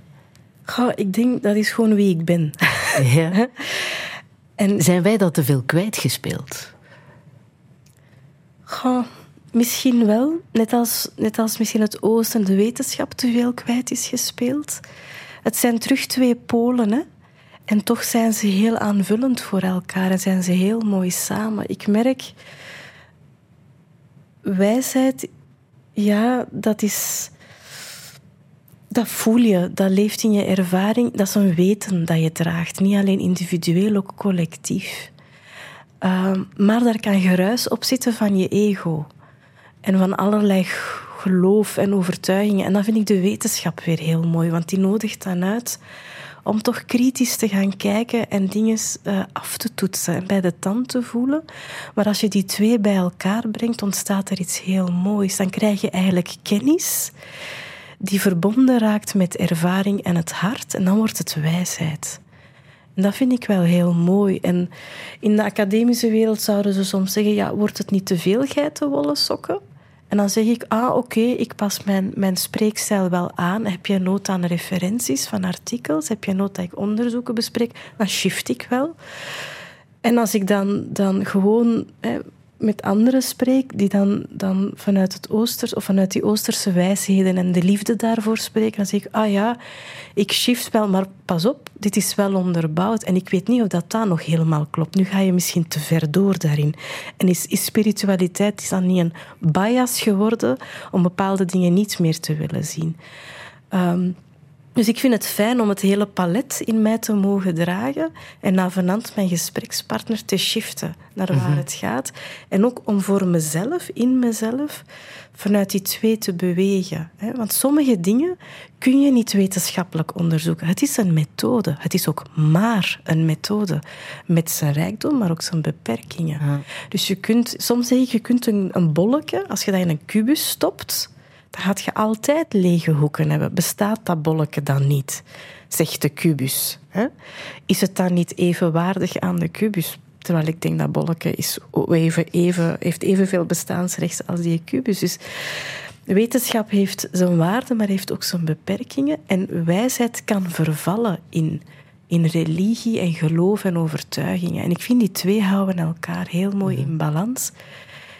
En het is toch wel die balans ja, dat vind ik wel belangrijk in het leven. Zo die verbinding en balans vinden tussen de dingen. Want ik weet niet of je het verhaal kent van de olifant in, in de kamer in de mist. Vertel. En de, de vijf wijzen die rond een olifant staan in een kamer waar het mistig is. En ze voelen allemaal die olifant. En wat is dat daar? De ene beschrijft een dikke poot, de andere een dunne staart, weer een ander een slurf. Ieder beschrijft een deel van de waarheid. Niemand heeft de waarheid in pacht. En dat is wijsheid, vind ik. Ja. Ja. Je hebt ehm, een tekst meegebracht, eh, opmerkelijk, van Charlie Chaplin. Ja, ja. As I Begin to Love Myself. Ja. Het is een tekst die al heel veel mensen heeft eh, geïnspireerd. Het bijzondere is dat hij deze tekst zelf heeft neergeschreven naar aanleiding van zijn 70ste verjaardag. En dat was in 1959. Ehm, die tekst heeft hij toen ook voorgelezen. Hij staat in heel veel versies eh, op YouTube ook. Ik wil een van die versies laten horen. As I began to love myself, I found that anguish and emotional suffering are only warning signs that I was living against my own truth. Today I know this is authenticity. As I began to love myself, I understood how much it can offend somebody as I tried to force my desires on this person, even though I knew the time was not right and the person was not ready for it, and even though this person was me. Today I call it respect. As I began to love myself, I stopped craving for a different life. And I could see that everything that surrounded me was inviting me to grow. Today I call it maturity. As I began to love myself, I understood that at any circumstance, I am in the right place, at the right time, and everything happens at the exactly right moment. So I could be calm. Today I call it self confidence. As I began to love myself, I quit stealing my own time and I stopped designing huge projects for the future. Today I only do what brings me joy and happiness, things I love to do and that make my heart cheer. And I do them in my own way and in my own rhythm. Today I call it simplicity. As I began to love myself, I freed myself of anything that is no good for my health. Food, people, things, situations, and everything that drew me down and away from myself. At first, I called this attitude a healthy egoism. Today, I know it is love of oneself. As I began to love myself, I quit trying to always be right. And ever since I was wrong less of the time, today I discovered that is modesty. As I began to love myself, I refused to go on living in the past and worry about the future. Now I only live for the moment where everything is happening. Today I live each day, day by day, and I call it fulfillment. As I began to love myself, I recognized that my mind can disturb me and it can make me sick. But as I connected it to my heart, my mind became a valuable ally. Today I call this connection wisdom of the heart. We no longer need to fear arguments, confrontations, or any kind of problems with ourselves or others. Even stars collide, and out of their crashing, new worlds are born. Today I know that is life. That is life. Charlie Chaplin had 70 jaar nodig om tot deze levenswijsheid te komen. Heeft het ons geschonken. Hoe zit jij naar deze tekst te luisteren? Want ik zag zeer veel geconcentreerdheid bij jou. Ja, het is een tekst die ik heel goed ken en die blijft mij beroeren. Ja. Ehm, ja, ik denk dat als er één rode draad is in mijn leven, is het wel dat. Meer en meer van mezelf gaan houden. En, en van daaruit eigenlijk in die wisdom of the heart komen. En voelen dat conflicten of oh nee, nee, dat dat allemaal oké is. En zoals hij zegt, even stars collide and new worlds are born. De schoonheid daarvan zien. Maar zeg je nu dat de psychiater ook last heeft om in verbinding te treden met andere mensen? Dat het ook voor jou wel eens moeilijk kan zijn? Ja, uiteraard. Het is niet omdat je psychiater bent dat je een ubermensch, een ubermensch bent geworden of zo. Maar ik voel wel dat zoals hij hier in verschillende aspecten schrijft, uh, hoe dieper mijn liefde voor mezelf wordt en hoe meer ik thuis kom bij mezelf, hoe meer ik groei in een bepaalde mildheid en een hartsvolheid, van waaruit ik die anderen ook graag kan zien en de wereld ook graag kan zien en mij daarmee wil verbinden, hoe pijnlijk of lelijk het soms ook is, of hoe mooi en overweldigend schoon het soms ook is. Um, en daarom blijft deze tekst mij wel, wel raken. En voor mij ook het jonge kind waarmee ik mag werken en die ik telkens opnieuw mag ontmoeten, um, draait daar de essentie van het leven om. Mm. Kunnen we landen in de wisdom of the heart? En Wat weet jij over je eigen geboorte? Ja, even een andere job over mijn eigen geboorte. Um, ik denk het belangrijkste dat ik misschien daarover kan delen is. Um, ja, ik ben geboren in India en waar je wieg staat, dan bepaalt veel van wie je wordt. En mijn wieg stond toen in een cultuur bijvoorbeeld waarin uh, jongens als erfgenamen gewenster zijn dan meisjes. Hè? en meisjes vanuit hun, hun kwetsbaarheid door hun vrouwelijk zijn als een grotere verantwoordelijkheid worden ervaren en daarom soms ook wel worden gemeden. Dus ehm, daardoor heb ik vroeg ervaren van ja, ben ik wel welkom om, als vrouw? Is het oké dat ik een vrouw ben? Heb je dat gevoeld? Ja, toch wel. Ik heb, hè, als we het daar straks hadden over het innerlijk kind, Ja. hoe dat die vroege ervaringen van toen je kind was, als innerlijk kind in je kunnen leven en vandaag de dag nog je leven kunnen bepalen, heb ik toch ook wel in, het, in de groei van, van eigenliefde, van mezelf graag zien, ook leren omarmen dat ik een vrouw ben. Dus jouw Dat moeder moet ook mag die stress ervaren hebben van... Ja, ja, ga ik mijn- een zoon of een dochter op de wereld hè, zetten? tijdens de zwangerschap lag die verwachting daar van... Mhm. Dat is de eerstgeborene Ja. van de eerstgeborene van een groot grondbezitter. Hij was een zoon, hij zal nu toch ook een zoon krijgen. En dan kwam ik daar, vrouw, meisje. Ja. En, en, en dat, was wel, dat, dat was wel een issue op dat moment. Ehm, en tegelijkertijd heeft mijn grootvader toen ook gezegd: cut the crap. Dat is mijn eerste kleinkind, die is gezond en die liep trots eh, als dorpshoofd met mij op de arm rond. Dat heb ik ook mogen ervaren. Hè. Dus er was ook de goede ervaring, er was ook de pijnlijke ervaring van ik ben gewoon niet oké. Ik heb nog niet eens iets gedaan, gewoon wie ik ben is al niet oké. hè. Vrouw zijn is een deel van mezelf.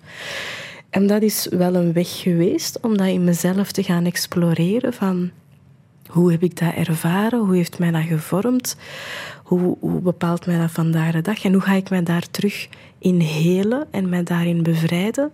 En dan spreek ik vaak over de kracht van het geheelde hart. Ik denk de zachtheid die jij daar straks zei, die je zo apprecieerde in mijn stem, of de hartsvolheid waarmee dat ik in de dingen wil staan, dat dat kan als, omdat ik mijn vrouw zijn daarin ook helemaal omarm. En als je zegt, ik heb van mijzelf moeten leren houden, Mhm. van waar komt dan het feit dat je dat hebt moeten leren?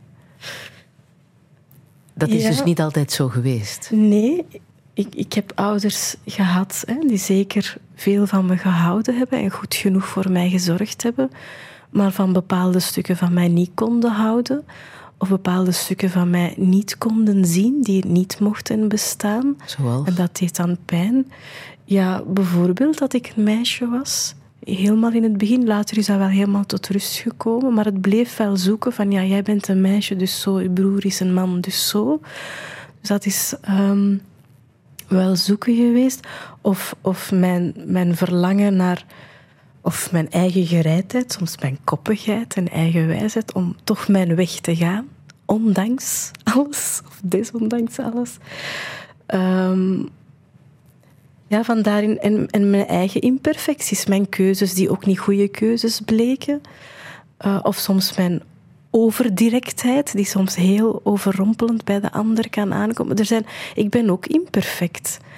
En, en dat te zien, het effect daarvan te zien, het effect daarvan zelf te beleven in mijn eigen leven. En dan te zeggen, ah wel ja, er zijn ook moeilijke kanten aan mij. Ah wel ja, het lukt mij ook niet altijd. En ah wel ja, Want heb jij dat moeten omarmen? ja, ja, Want je zo, hebt twee kinderen uit Ja. twee verschillende relaties. ja klopt. Dus het niet-klassieke gezin Ja, is zo, voor jou bekend, wat dat betekent. in mijn groei als, als mens en als vrouw ben ik ook natuurlijk doorheen mijn relaties gegroeid. En dan mijn, ik ben van, als ik het chronologisch mag vertellen, allee, ik denk zo moeten vluchten uit India was een eerste ontkoppeling vanuit de plek waar dan mijn wieg heeft gestaan.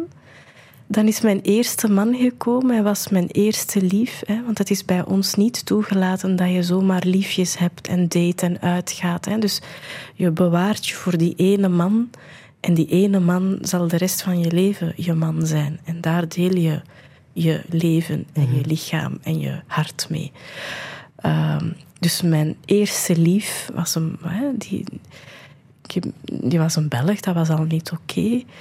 Maar door, door voor die liefde te kiezen, heb ik mij voor een tweede keer losgemaakt van de bedding waar mijn wieg heeft gestaan. En, en dan ben ik van mijn man gescheiden, omdat ik daar ook weer gegroeid was. En wou ik mij nog eens verder evolueren. En, en, en dat ging niet meer in die relatie. Heb ik mij nog een keer losgemaakt. Maar het is als een raket die stijgt, die elke keer een stuk laat vallen. Als steeds dieper, dieper toekomen bij wie ik ben. En heel die weg daar naartoe helpt je daar naartoe te groeien. Nu Ben ben je ik- goed in hulp vragen? ik heb dat moeten leren, van daar goed in te zijn. Eh, eh, hè, want bijvoorbeeld een van de dingen die ik in mezelf heb moeten leren omarmen, als je zegt hoe heb je dat nu geleerd of wat moest je nu van leren houden, is ja, het was niet oké dat ik een meisje was, dus ik zal ze laten zien dat ik ook waardevol ben. Ik kan mijn mannetje wel staan en zie maar wat ik wel kan en dat ik ook waardevol kan zijn. Ehm, door dat tot rust te brengen, kan ik vandaag doen wat ik doe, zonder daarin in conflict te raken met mensen of met mezelf, of zonder eh, in mediageilheid te belanden of zo, of, of honger hebben naar aandacht. Doordat ik dat bij mezelf die pijn een plek heb gegeven van nee, ik ben helemaal oké zoals ik ben, kan ik eigenlijk vanuit heel veel rust de aandacht die ik soms krijg in de media gebruiken om die dharma weer te leven in dienstbaarheid. Ehm, door dan te gaan, en door dat ook te doen als vrouw zijnde. In al mijn zachtheid en zoeken daarin. En daarin ook te zeggen van, ja, soms lukt het mij niet en heb ik hulp nodig. En, en bijvoorbeeld als mama, hè, in mijn groei, ja, ik ben met fases alleenstaande mama geweest. Ehm, dat, trek, dat is heel zwaar. Dat is zwaar. En dat toegeven aan mezelf als vrouw, van eigenlijk is dat te zwaar. Eigenlijk heb ik echt wel een man naast mij in mijn rug nodig om dit goed te kunnen doen. En dat te combineren met hè, de, de roeping die ik ook voel in mijn professioneel leven. Ja, ik, ik trek dat allemaal niet. En ik ben echt op mijn bek gegaan daardoor, hè, door, doordat het te veel was. En dan heb ik moeten leren van, ah ja, eigenlijk staan er heel veel mensen om me heen die mij graag zien en die graag iets voor me willen doen. En heb ik zo moeten omarmen in mezelf. Vrouw zijn is ook Soms zeg ik nu, als ik opleiding geef, weet je wat ik heb ontdekt dat de essentie van vrouw zijn is? En heel vaak wordt er ge- geantwoord, geven, zorgen voor. Hè? En dan zeg ik altijd nee. Voor mij is de essentie van vrouw zijn durven ontvangen. Durven ontvangen, willen ontvangen, genieten van het ontvangen. En op het moment dat ik dat stuk in mezelf heb omarmd en geleerd, als vrouw zijnde, kan ik nu zeggen, ah wel ja, uh, ik heb jouw hulp nodig. Ik heb jou nodig. Ik kan dit niet alleen. En, en mij van daaruit verbinden, niet vanuit een gevoel van falen, of, ik, of hè, van ik kan mij niet vermannen, of, maar gewoon vanuit ik gun mezelf dat. En dan is die hulp en de begrip die ik krijg zo helend en zo fijn. En dan kan ik weer nog meer zijn wie dat ik ben en nog meer doen wat mij echt beweegt. En dat is prachtig.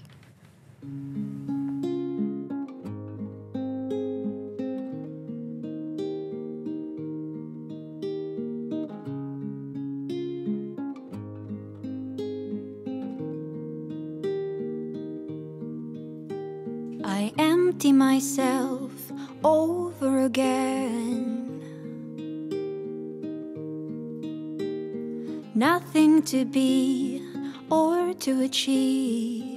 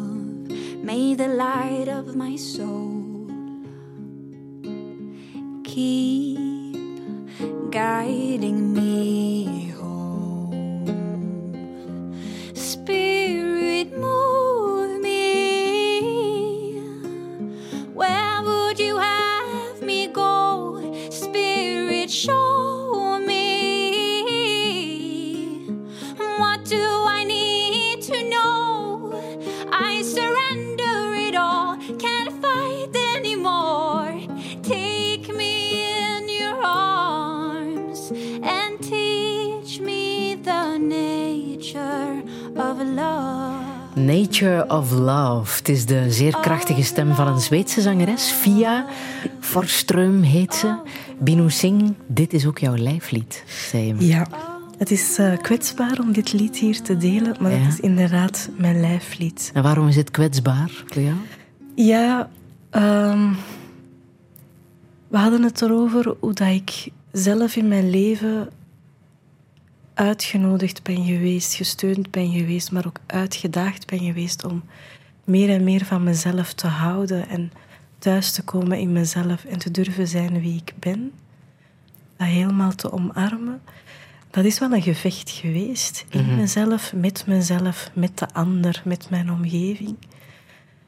En ik sta nu zo in mijn leven dat ik, zoals ze zingt, dat zwaard heb ik neergelegd. Ja. En dan is er ehm, de overgave aan de liefde gekomen. En In jouw boek staat een prachtige quote. Mhm. Hou liefde vol. ja, Is het een kwestie van volhouden? het is een kwestie van. Het, het, het zijn woorden, het zijn niet mijn woorden, het zijn woorden van, van een dierbare vriend. Ehm, en ze herinneren mij eraan en, en geven ook heel mooi weer wat ik zelf in mijn leven ervaren heb. Er gebeurt van alles, er gebeurt veel, pieken en dalen. Maar kunnen we inderdaad die liefde blijven vasthouden en die blijven volhouden? Ook als het moeilijk is en als het uitdagend is. En dan kom ik inderdaad bij dat punt uit dat ik vanuit die liefde dan dat zwaard neerleg en zeg: Oké, ik geef mij daaraan over. En ik laat mij leiden door iets hogers, iets puurders, iets diepers in mezelf, iets dat zetelt in mijn hart. Het is zo komen nu in mijn leven tot. Er is een, een, een voelen in je buik, een ervaren in je buik. En er is je verstand in je hoofd. Het begrijpen, het opdoen van kennis.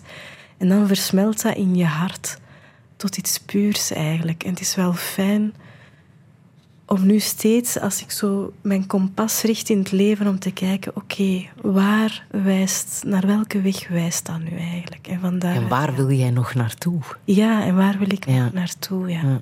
Ja. Welke boodschap zou jij nog willen meegeven? Misschien kan ik die al meteen koppelen aan het laatste nummer dat je nog wil laten horen van Creed. With Arms Wide Open. Mhm. Daar zit al een boodschap in. Hè? Daar zit al een boodschap in. Ik denk dat. Ik gun het elk kind in ons en elk kind in de wereld dat die gezien, gehoord en gedragen wordt. Ehm, en ik gun het ieder van ons ook dat we onszelf helemaal omarmen in de man en de vrouw die we zijn, in de mannelijke en de vrouwelijke pool die we in ons dragen, in de vader- en de moederkracht die we in ons hebben. Hoe los jij dat op, die vaderkracht?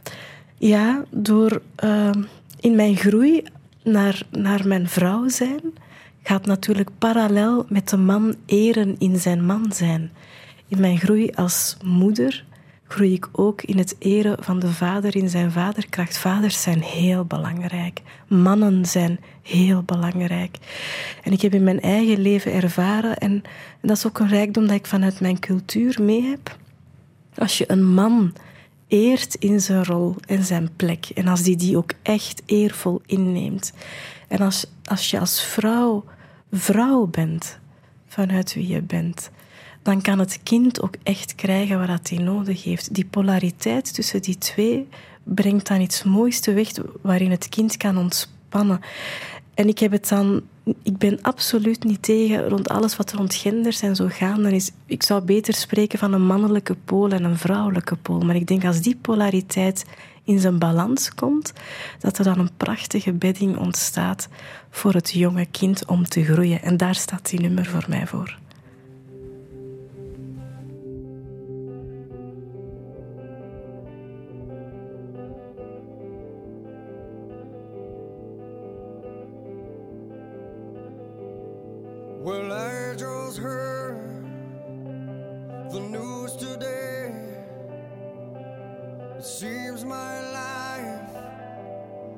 Is gonna change. I close my eyes, begin to pray. Then tears of joy stream down my face where lungs wide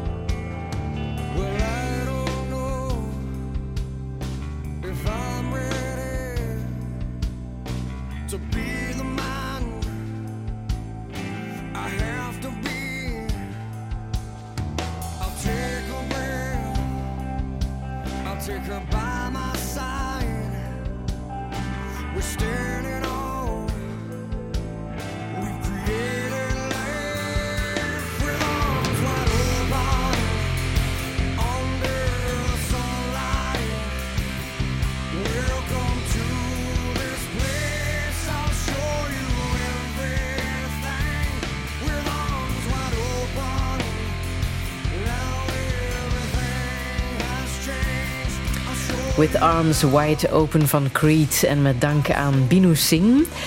Volgende week komt muzikant Sam Bettes hier vertellen wat hem raakt in het leven. Ik wens je nog een heel fijne zondag.